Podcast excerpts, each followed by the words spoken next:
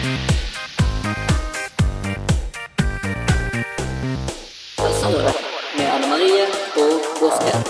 ønsker vi velkommen til podkast nummer 20. Og i dag har vi altså tema dysleksi. Spennende. Og vi er her som vanlig, Anne Marie og Gosken. Og vi har vært veldig heldige i dag for to utrolig hyggelige gjester her. Det er Mette og Sara.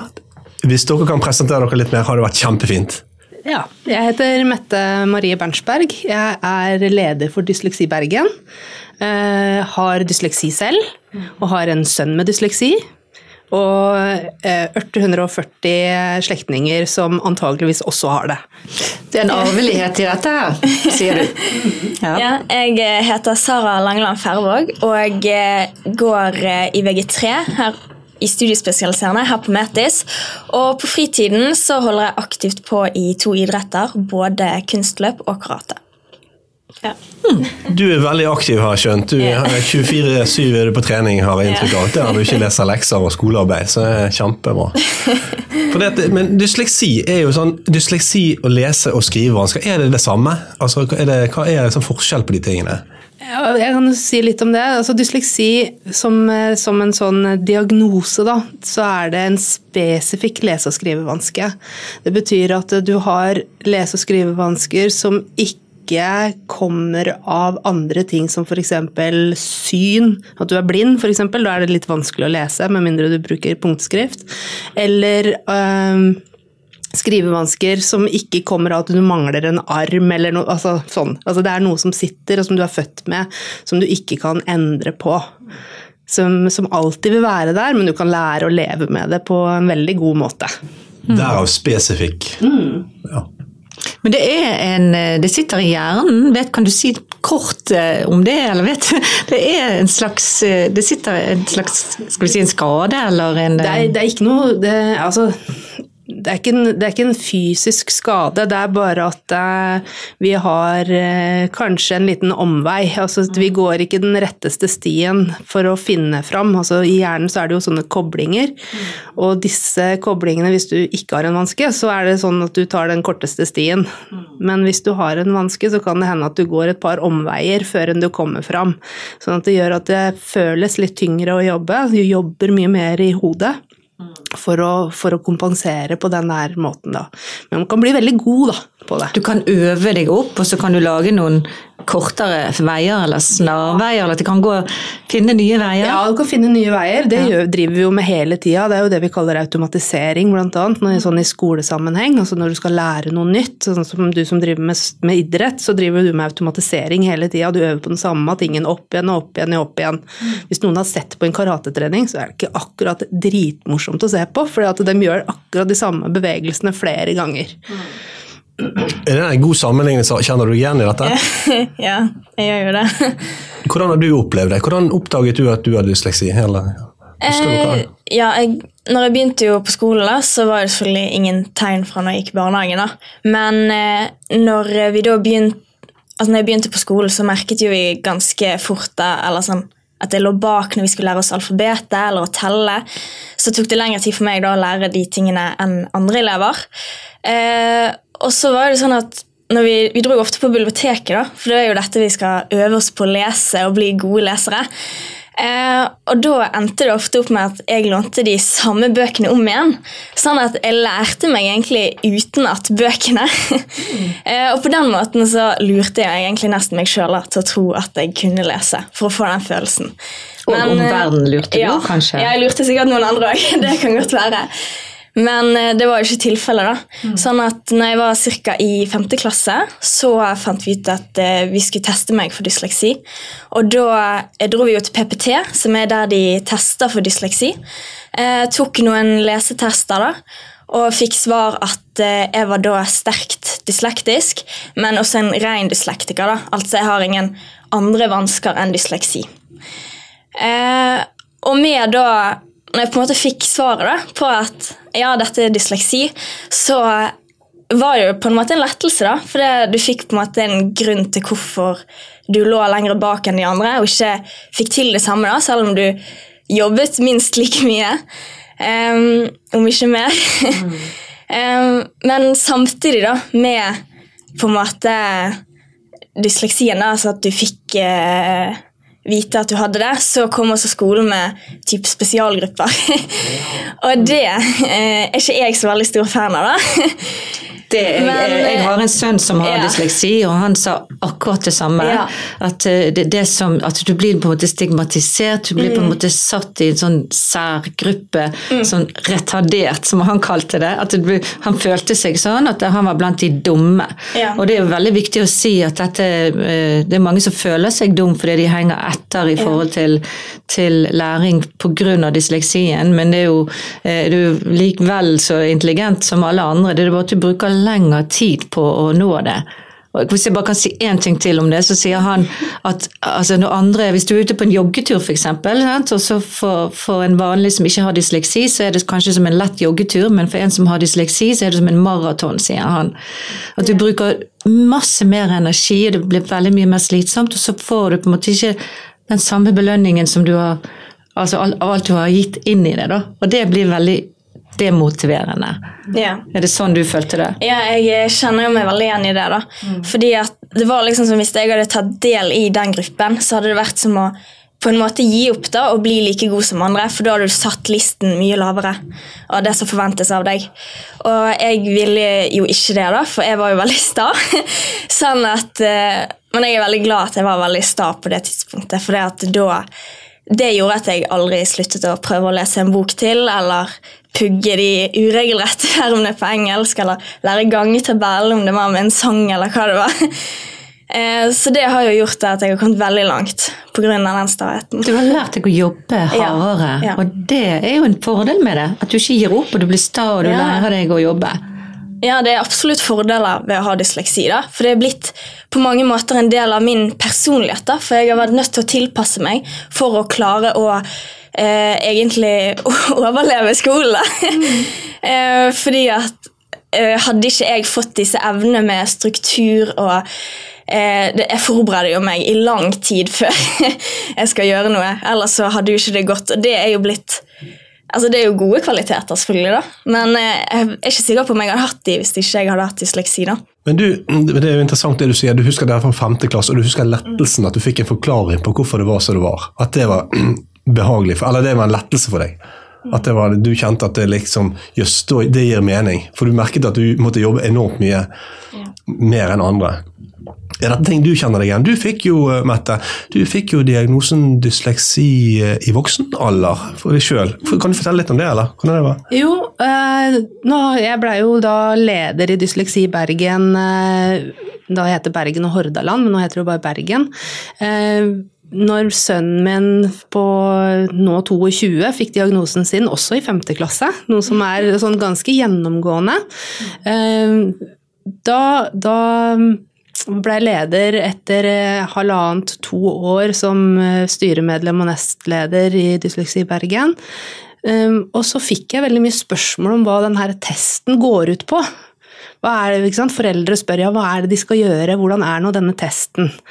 Uh, og jeg var jo litt nysgjerrig sjøl også, lurte på hva den testen var, så jeg spurte da ei som heter Benedikte, som testa for oss på daværende tidspunkt, en nå pensjonert uh, logoped. Hun, hun testa, testa for oss, og så sier jeg du Benedikte, kan ikke jeg bare, kan ikke jeg bare få se den testen? Og så sa hun ja, vi kjører testen, sier du. Vi, vi tar den, og så ser vi hvordan det går. Du tok den bare liksom Jeg tok den for å se hva det Ja, var. ja. Ja, og så Så kommer vi ut eh, når vi er ferdig. Det tar, den tar ganske lang tid. Det er en ganske omfattende test. Mye sånn småting som skal gjøres, og jeg syns jo jeg var ganske god, jeg. Synes jeg satt der og følte at dette hadde jeg liksom kontroll på. Og så ser hun på meg når jeg er ferdig og sier ja, men gratulerer, Mette, du har dysleksi. og jeg bare hæ? Hva mener du? så jeg blei litt overraska, kan man si. Eh, eh, altså, på en måte overraska, på en annen måte så var det en del brikker som falt litt på plass. Litt samme som du sier. Også at det, ok, ah, er det derfor jeg bare alltid aldri klarte å komme over tre i skriftlig norsk? Ja. Er det derfor det har vært en skikkelig pain å skrive stiler og få ned de tankene som jeg har i hodet mitt, på papiret? For jeg skjønte ikke hvordan de alle de andre bare kunne sette seg ned og så bare skrive, og det bare liksom fossa ut ord på et ark. For, for eh, jeg er god til å lese. Men min dysleksi går mer på det å få de tankene og ideene som jeg har i hodet, få dem ned på papiret. For der virker det som det er en eller annen sånn short, eller en shortcut da, som vi snakka på i stad, som overhodet ikke eksisterer. Altså Der er det en dyp grøft. der er det noe som er gravd over alt som finnes. Og, og, det som er her, det kommer gjerne lett ut, uh, ut av munnen. Men, uh, men når du skal ned og ut gjennom fingrene, så er det akkurat som det stopper. Og jeg kan si ting og være kjempesmart på å si ting, og jeg er, jeg er god til å prate for meg sånn i, i normale settinger. Men å få sammenheng på en tekst, det er ganske, ganske vanskelig. Da må jeg jobbe veldig, veldig hardt og få gjerne noen flere til å lese gjennom det jeg har skrevet, for å se at det henger sammen. Mm. Men har dette gått utover selvbildet, selvfølelsen din på noen måte, eller din f.eks.? For det kan jo av og til gjøre det, hvis man ikke får nok eh, støtte eller tilrettelegging. Jeg tror jeg blei litt sånn som hun. Eh, at jeg blei litt sta. Eh, og så blei jeg, jeg litt sint, på en måte. Hvorfor ikke disse lærerne kunne hjelpe til, eller kunne se eller forstå at jeg hadde jo gjort alt jeg kunne for å få det her til, og hvorfor i all verden fikk jeg bare tre? Og så skjønte jeg ikke hvorfor den treeren kom, for jeg hadde jo jobba, og jeg hadde jo jobba like mye som de andre ofte, så, så, jeg var ikke som deg, da. Jeg er ikke noe idrettsmenneske, så jeg ga opp til slutt. Så jeg slutta å jobbe. Jeg tok alt det, det som jeg har på mitt vitnemål, på en måte, det er det jeg har huska i huet. Det er ikke det Og som jeg har hørt gjennom hva lærerne har sagt og det vi har gjort. Det er ikke pga. skriftlig arbeid og mye innsats sånn sett. Mora mi var kjempefortvila, for jeg gjorde aldri lekser. Jeg gjorde aldri lekser på ungdomsskolen. Jeg gikk ut av ungdomsskolen med M i alle fag. Altså meget eller fem, da, som det er nå. Så jeg, så, så jeg hadde en, en ja, Felles for oss er jo ofte at vi har veldig god hukommelse. Vi klarer på en måte å huske ting fordi at vi finner strategier på hvordan er det vi skal overleve det her, og, og ikke vise at vi ikke kan, eller at vi ikke får til. Så vi blir ganske gode på sånn um, ja, overlevelsesstrategier, egentlig. Du pugger rett og slett bøker, sånn som du sa. Ja. Du sa at du husker du lente de samme ja, bøkene. Ja. Så hvis du har en god intelligens, som dere sikkert har også, så er dere flinke på å overkompensere. At det kan altså på en måte nesten eh, eh, skjule vanskene dere har fordi at eh, dere lærer dere disse strategiene. For det har jeg sett også hos mange. Men også er det noe som bare faller ut og gir opp. Ja, og det skjønner jeg. For mm. det er ikke snakk om at du må jobbe litt ekstra. Det er snakk om at du må jobbe liksom sånn 500 ganger ekstra for å få det til. Mm. Så det er, jeg skjønner at noen gir opp. Hvis de ikke får den rette hjelpen eller tilrettelegginga, så kan det være ganske tungt, og du føler deg ikke spesielt bra for mange. Jeg merka det jo ikke i så måte, fordi at jeg har scora godt hele tida mm. på skolen. Så jeg har aldri fått den derre ah, du er dårlig i det, eller uh, sånn. Fordi jeg, jeg prata jo. Altså, jeg skravla jo hele tida. Og det, det, jeg lærte, det hvis jeg skulle lære noe, så måtte jeg høre det, og så måtte jeg si det. Og når jeg da fulgte med i klassen, så var det ikke det noe problem. Så hvis jeg fulgte med og var aktiv i timen, så lærte jeg det som vi skulle lære. Men så kom sant, eksamen og sånne ting, da, hvor du skulle skrive det du hadde lært ned, og du hadde liksom bare tida og veien til å få det her ned på papiret det er da det blir problematisk. Men hva er det som hjelper? Hva er hjelpen man får og tilrettelegging? Hva var det som har hjulpet deg, Sara, f.eks.? Ja, altså Nå har jeg vært veldig heldig i uhellet med at jeg har eh, to foreldre som begge er lærere. Eh, og det har jo gjort at jeg har fått eh, helt enormt mye hjelp hjemmefra. Og det er jo det som er så enormt viktig. For hvis du ikke får denne hjelpen som dyslektiker, spesielt i tidlig alder, så er det veldig lett å falle ut fordi at det er så mye arbeid. ikke sant? Eh, så der har jo jeg vært veldig heldig. Fått veldig mye hjelp hjemme. Eh, men i form av hjelpemidler som eh, skolen kan tilby, da, så er jo det bl.a. lydbok og eh, rettskrivingsprogram. Og da er det veldig viktig at dette blir gitt til eh, eleven med en gang. Fordi at eh, i hvert fall jeg da, syns det er egentlig veldig ubehagelig å spørre om hjelp. Du vil ikke være til bry for andre. Sånn at det eh, skolen bør gjøre da, er å liksom komme med en gang på banen og gi alle disse hjelpemidlene til eleven. Sånn som vi gjorde her på Metis da, når jeg kom egentlig nesten første dagen. Kom inn til Gosken og så fikk satt på plass alle lydbøker, retteprogram osv. Så mm. eh, sånn at jeg slapp å spørre om hjelp. mm. Men Da fikk du en grundig innføring. Hvordan, ja. For han eh, berømte sønnen min, holdt jeg på å si, han eh, som eh, har dysleksi, han sier jo at han fikk jo også noen verktøy, men han fikk ikke nok hjelp til å bruke eller lære seg hvordan man skulle bruke verktøyene, så da ble de ikke brukt for hans del. Så du har fått en god innføring fra Gåsken. Du har gjort jobben din. Jo, takk.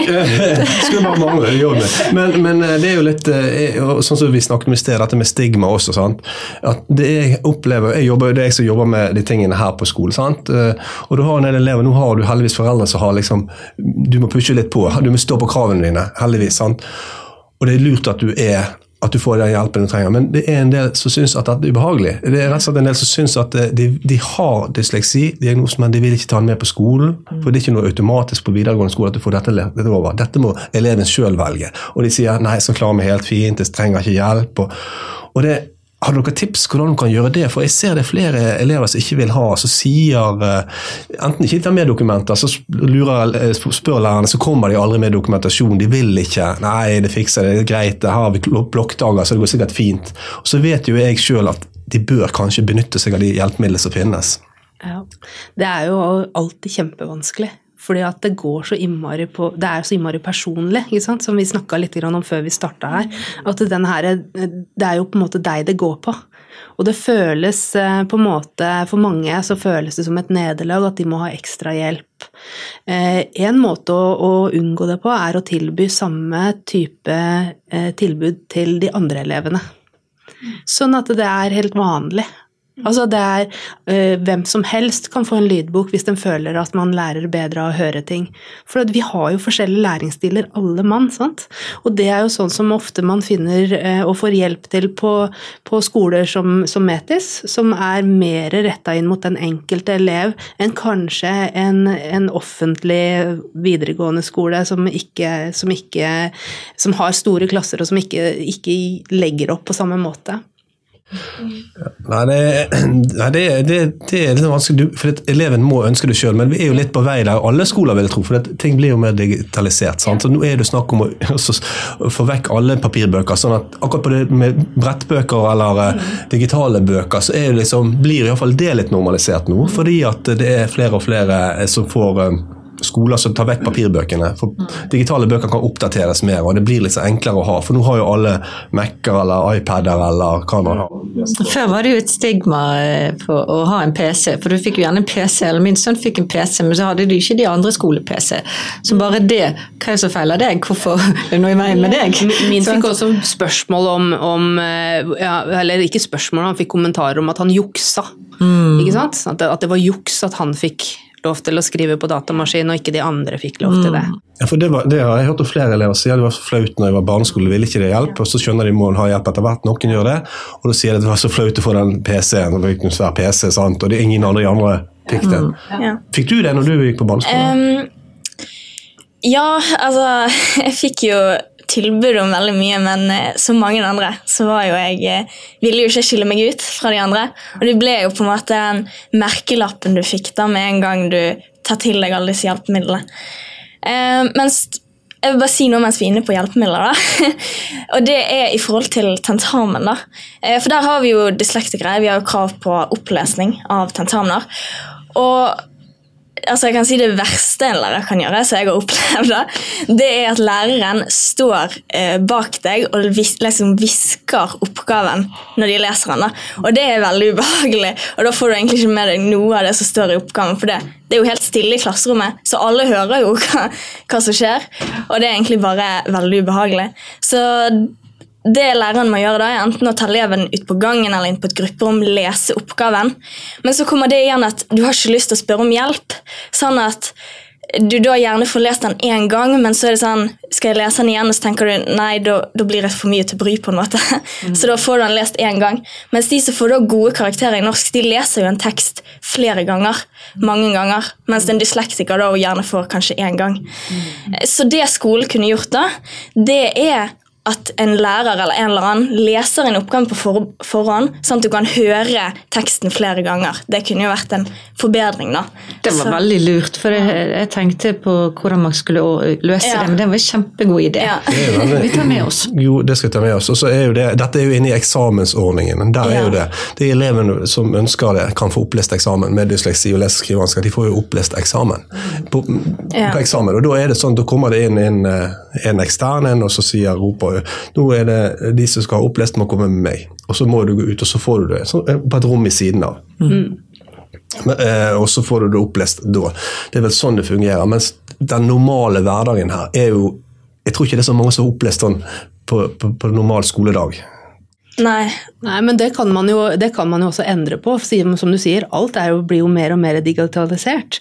Sånn at hvis du har oppgaven på papir, så er jo ikke noen i denne verden som sitter og skriver den på en analog skrivemaskin nå til dagen. Den ligger jo på en datamaskin et eller annet sted. Så nå sende den fila over til den eleven det gjelder, sånn at han kan bruke lese- og skrivestøtteprogrammene som man har allerede, til å høre på det i sitt eget tempo, for der kan du justere fart og, og hastighet på, på, talen. Du kan også bytte eh, hvem som leser opp. Ikke sant? Og forskjellige stemmer, som noen som du er mer vant til enn andre. Og Hvis du da kan bare sende den oppgaven, eller legge den inn på den PC-en som den eleven skal ha, sånn at de faktisk kan høre på den, så er jo den saken løst. Og det er jo ganske enkelt i disse dager. Mm. Ja, derfor Vi oppfordrer folk til å markere tekst og få det opplest. så Det er jo en god idé også å gjøre på tentamen og prøver. Engasjerende leser fra Microsoft f.eks. er en ganske god opplesningsprogram som ja. ligger, i, ligger, i, Microsoft sitt system allerede. Du trenger ikke noe ekstra for Nei. å gjøre det heller. Mm. Telefonen din, du har, jo, du har, jo, hjelpemidler på telefonen. Du har Google Lens som du kan ta bilde av ting. Du kan ta eh, Office Lens er det en som heter. Du kan ta bilde av tekst, og så kan du få den opplest på telefonen din. så det er Telefonen er jo et fantastisk hjelpemiddel som du kan ha med deg. Du har den jo i lomma hele tida. Jeg veit ikke om én eneste eh, ungdom som legger fra seg telefonen sin over fryktelig lang tid. Veldig bra. Mye gode tips her. Det er kjempe, kjempebra. Det skal vi ta med oss nå på skolen her. og det er nyttig. Men um, til, til, noe annet, eller litt annerledes. Man kan jo også gjemme seg litt bak eh, diagnosen. Eh, man kan si nei, eller eh, som en unnskyldning, bruker det som en unnskyldning. Nei, jeg kan ikke, jeg har dysleksi. Så, sant? Har dere opplevd det? Ikke dere, men du er jo så flink. Men, men, min sønn igjen, jeg får lov å snakke om han, jeg har spurt han. Uh, han var vel kanskje litt at han brukte det også som litt unnskyldning, som han sier sjøl. Ja, det er jo veldig, veldig vanlig. Altså, det er, får ikke til, eller noe er ikke dette Nei, dette kan ikke jeg gjøre, for jeg har dysleksi, eller det, det, er ganske vanlig på, når man har en utfordring sånn generelt, om man har, mangler en fot eller er blind, eller altså Det er alltid noen som bruker det som en unnskyldning. Men dysleksi er ikke det som skal hindre deg å lykkes her i verden. Snarere tvert om, sier jeg. Det er mange som har nådd veldig langt. Ja, det, hvis, du ser, hvis du ser sånn i verdens perspektiv, da, så kan du eh, se at de aller fleste entreprenører i verden, dem som har funnet opp noe smart, dem har dysleksi. ja, kan ikke du nevne noen kjente navn? Ja, Einstein f.eks.? Ja, dem, dem, påstår det. Det er litt grann i tvil eh, på, på, den, men du har Thomas Edison, som han med lyspæra. Ja. Uh, Graham Bell med telefonen, så det er noen. Uh, du har um, han uh, Richard Branson, han som eh, driver med Virgin Air og Virgin Records i England mm. Bøtter og spann av skuespillere har dysleksi, fordi at man blir på en måte ganske kreativ, da når man har denne her eh, vansken som vi har. Vi finner på nye måter å løse ting på, fordi det er ikke alltid at vi får det til sånn som alle andre gjør det. Så derfor så finner vi på noe nytt. Ja. Så vi er ganske smarte sånn, da. Det er ingen hindring da å ha dysleksi? Nei, det er egentlig ingen hindring å ha ja. dysleksi, snarere tvert om. For du har så mye gode egenskaper som du kan benytte deg av hvis du bare tør. For det er det det går på. Men jeg kjenner mange arkitekter, jurister, leger. Det er mange som har dysleksi, som, eh, så det er ingen eh, hindring for å få seg en lang lang og Nei, du kan bli både konge og statsminister, har jeg hørt rykter om. Så det er, det er kanskje flåsete sagt, men, men med, altså med arbeid, og hvis du legger ned og har et mål for det du har lyst til å oppnå, så er det ikke noe problem å, å nå det om du har dysleksi. Ja, du må jobbe litt ekstra, men er du dedikert, så går det. Og så har vi jo alle våre svakheter. Vi har alle noe som vi ikke er så gode på, eller vi har en vanske eller et handikap. Og, og det er ingen som er perfekt. Eh, Så det er på en måte å, å snakke litt mer om at det er lov å ikke være perfekt, det er lov å ha sine Hva er, svakheter. hva er perfekt, da? Ja. Og hva er normalt? Perfect imperfection. Yes. Så jeg tenker normalt er å være unormal. Ja, Er ganske- helt enig. Det er helt riktig. Men hvordan skal det, eh, vi får jo, På skolen vår så har vi elever som kommer som ikke har blitt diagnostisert, da, som Ja. bruker det, som vi tilviser til PPT. og Noen lærere er veldig på, og noen er ikke så på. sant? Hvordan er det viktig at eh, fokus til lærere? Det er jo ofte gjerne språklærerne da, som kanskje ser ting her. Har du tanker rundt det? Hvordan de kan Jeg tenker det at hvis ikke innsatsen skriftlig henger på greip i lag med muntlig aktivitet og hva de egentlig tror at eller vet at denne eleven kan, så, er det, så bør det ringe noen bjeller. For det er jo ikke sånn at, eh, at man er dårligere normalt sett til å, å skrive, eller man kan mindre fordi man ikke klarer å få det ned på papiret. Det er, hvis du prøver, da, gi en eh, muntlig prøve en gang istedenfor en skriftlig prøve, så skal du se at det kanskje du blir litt overraska hvis du har en elev som scorer litt dårlig på skriftlige prøver. Så bytte ut eh, prøveformen. Eh, teste ut og se hva passer deg best, hvordan lærer du best. Det er kanskje de tingene som en lærer kan spørre om. De aller fleste veit jo eh, om de lærer godt av å lese, eller om de eh, syns det er bedre å høre det eller se en film på YouTube om det. ikke sant? Det, det masse, ligger jo masse ute som du kan benytte deg ut av.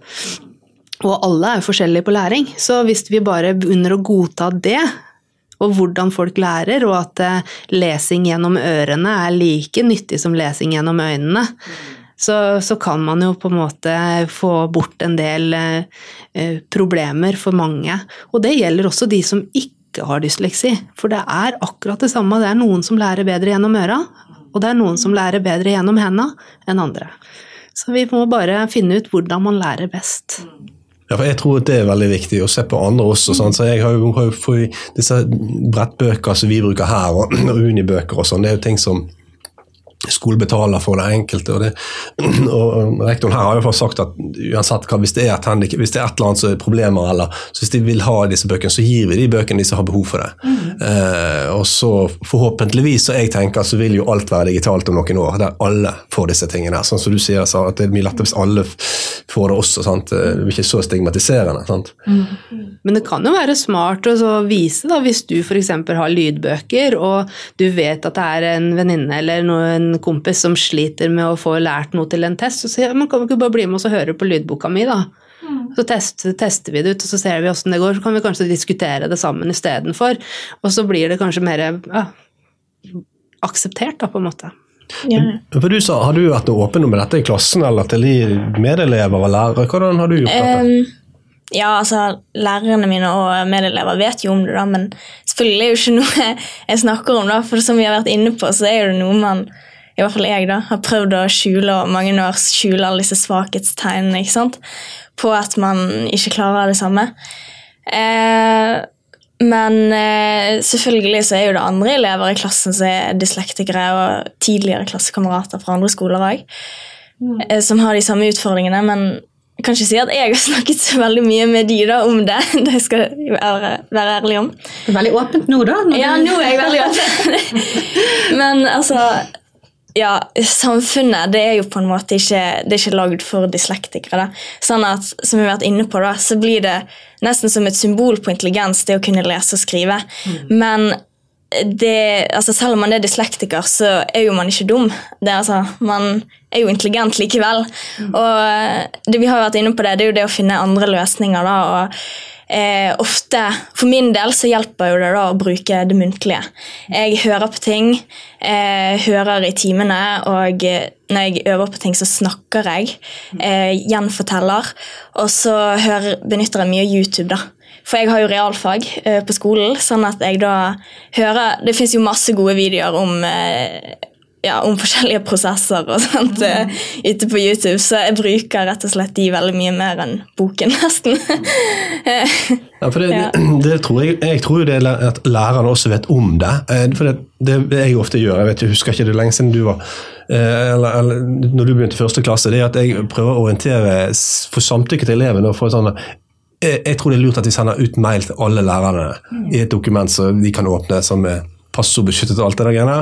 At de leser om denne eleven her. Denne eleven her da har dysleksi, trenger litt mer tid, gjerne lese opp høyt, forlenge tid på eksamen, få tilrettelagt sånn. Kan dere ta en dialog hvordan denne eleven eh, kan få best mulig læreutbytte? Sitte foran i klassen, sitte bak, altså litt sånne ting.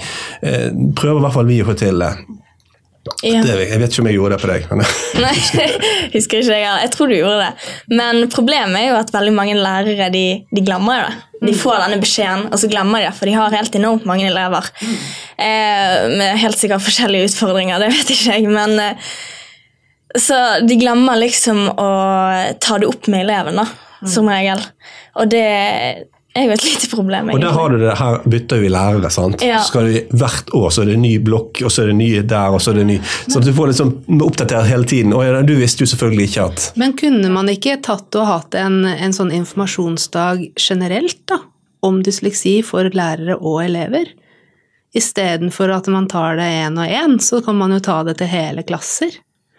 Og så forteller man til alle, for det er jo faktisk noen som ikke blir oppdaga at de har dysleksi før det videregående eller når de blir voksen. Mm. Vi har jo meg, hatt det inni vi, meg og Anne Marie og meg går jo rundt i hver første klasse mm. uh, hver eneste gang. og Der har jo vi, sier jo, jeg sier også hva min jobb er. og Da åpner vi opp for bl.a. dette med dysleksi, lese- og skrivevansker. Men kanskje, det, kanskje, man skal bare ta det, dra det enda litt lenger? Mm. Og snakke litt enda mer om ikke sant? hva er hjelpemidlene, dette er dette der, hva skolen tilbyr.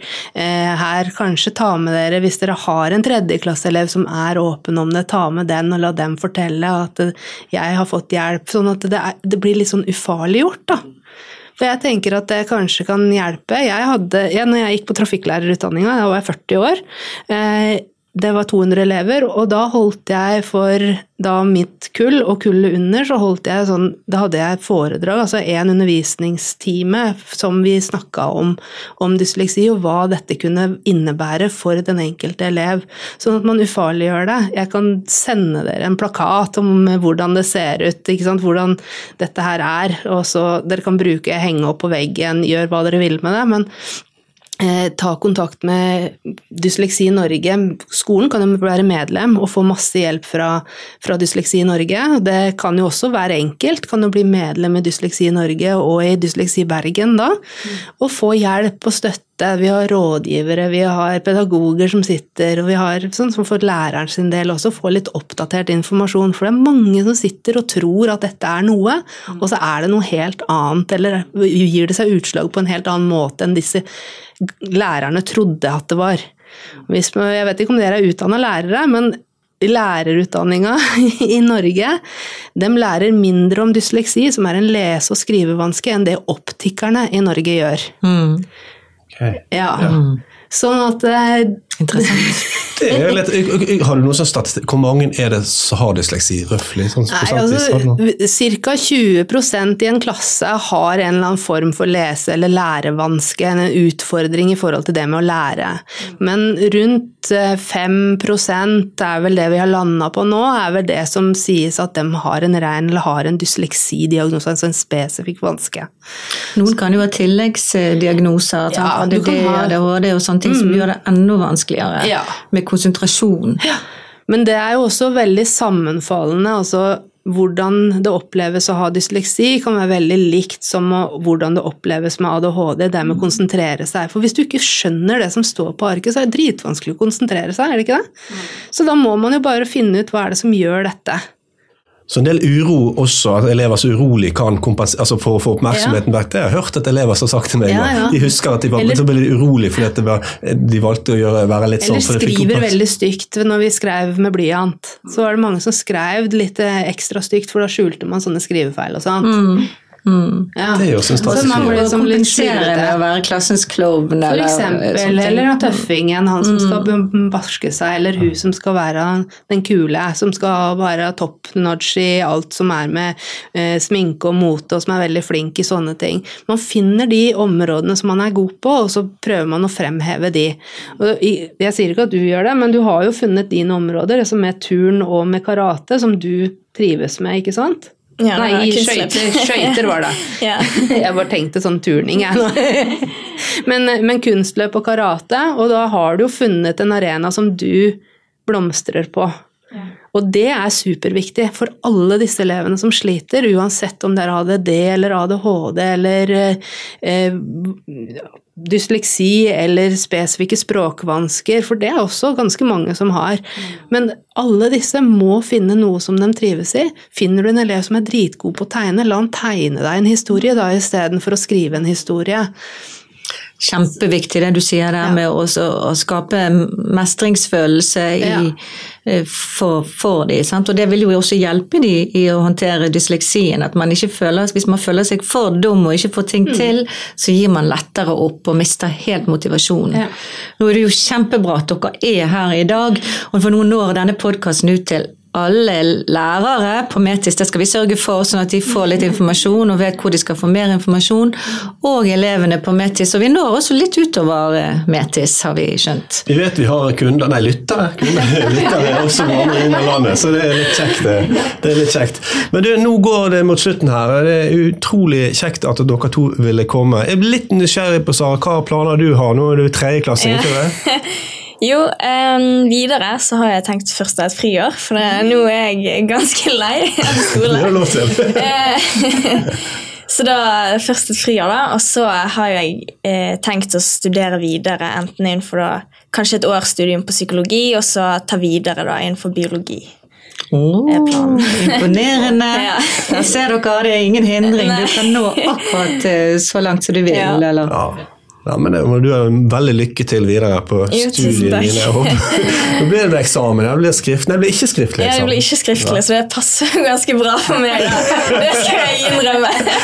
Kjempebra. Veldig bra. Jeg, jeg tror også jeg hadde pusta litt lettere ut. da. For muntlig, det går fint. Ja, men Det er bra. Nei, men det er Veldig kjekt også at du kunne, Mette. Det kan godt være at vi ringer deg igjen for litt hjelp i forhold til Absolutt, elever her, i forhold til systemene her. Kanskje vi kan få noe Vi har mye en vei å gå, vi også, som alle andre skoler. På det, Så jeg kommer helt sikkert til å ha kontakt med deg igjen, tenker jeg. Og lærere kan kanskje også ringe og kontakte deg. Absolutt. Bare gjør det, gjør det etter tre. Ja, du har du, Jeg, jeg er sjåførlærer, så jeg sitter i bilen, og da er det henne, eller trafikklærer heter det. da. Så da sitter jeg i bilen eh, med elever fra åtte om morgenen til i hvert fall, hvert fall klokka tre. Ja, Halv okay. fire kanskje, og enda seinere. yes, Ja, men tusen, tusen takk for at eh, dere ville stille opp her, og spesielt for deg, da, Sara, som stiller opp på din egen skole. Det er så modig og så tøft. Så tusen takk, begge to. Takk for at vi Takk for at vi kom. Ja.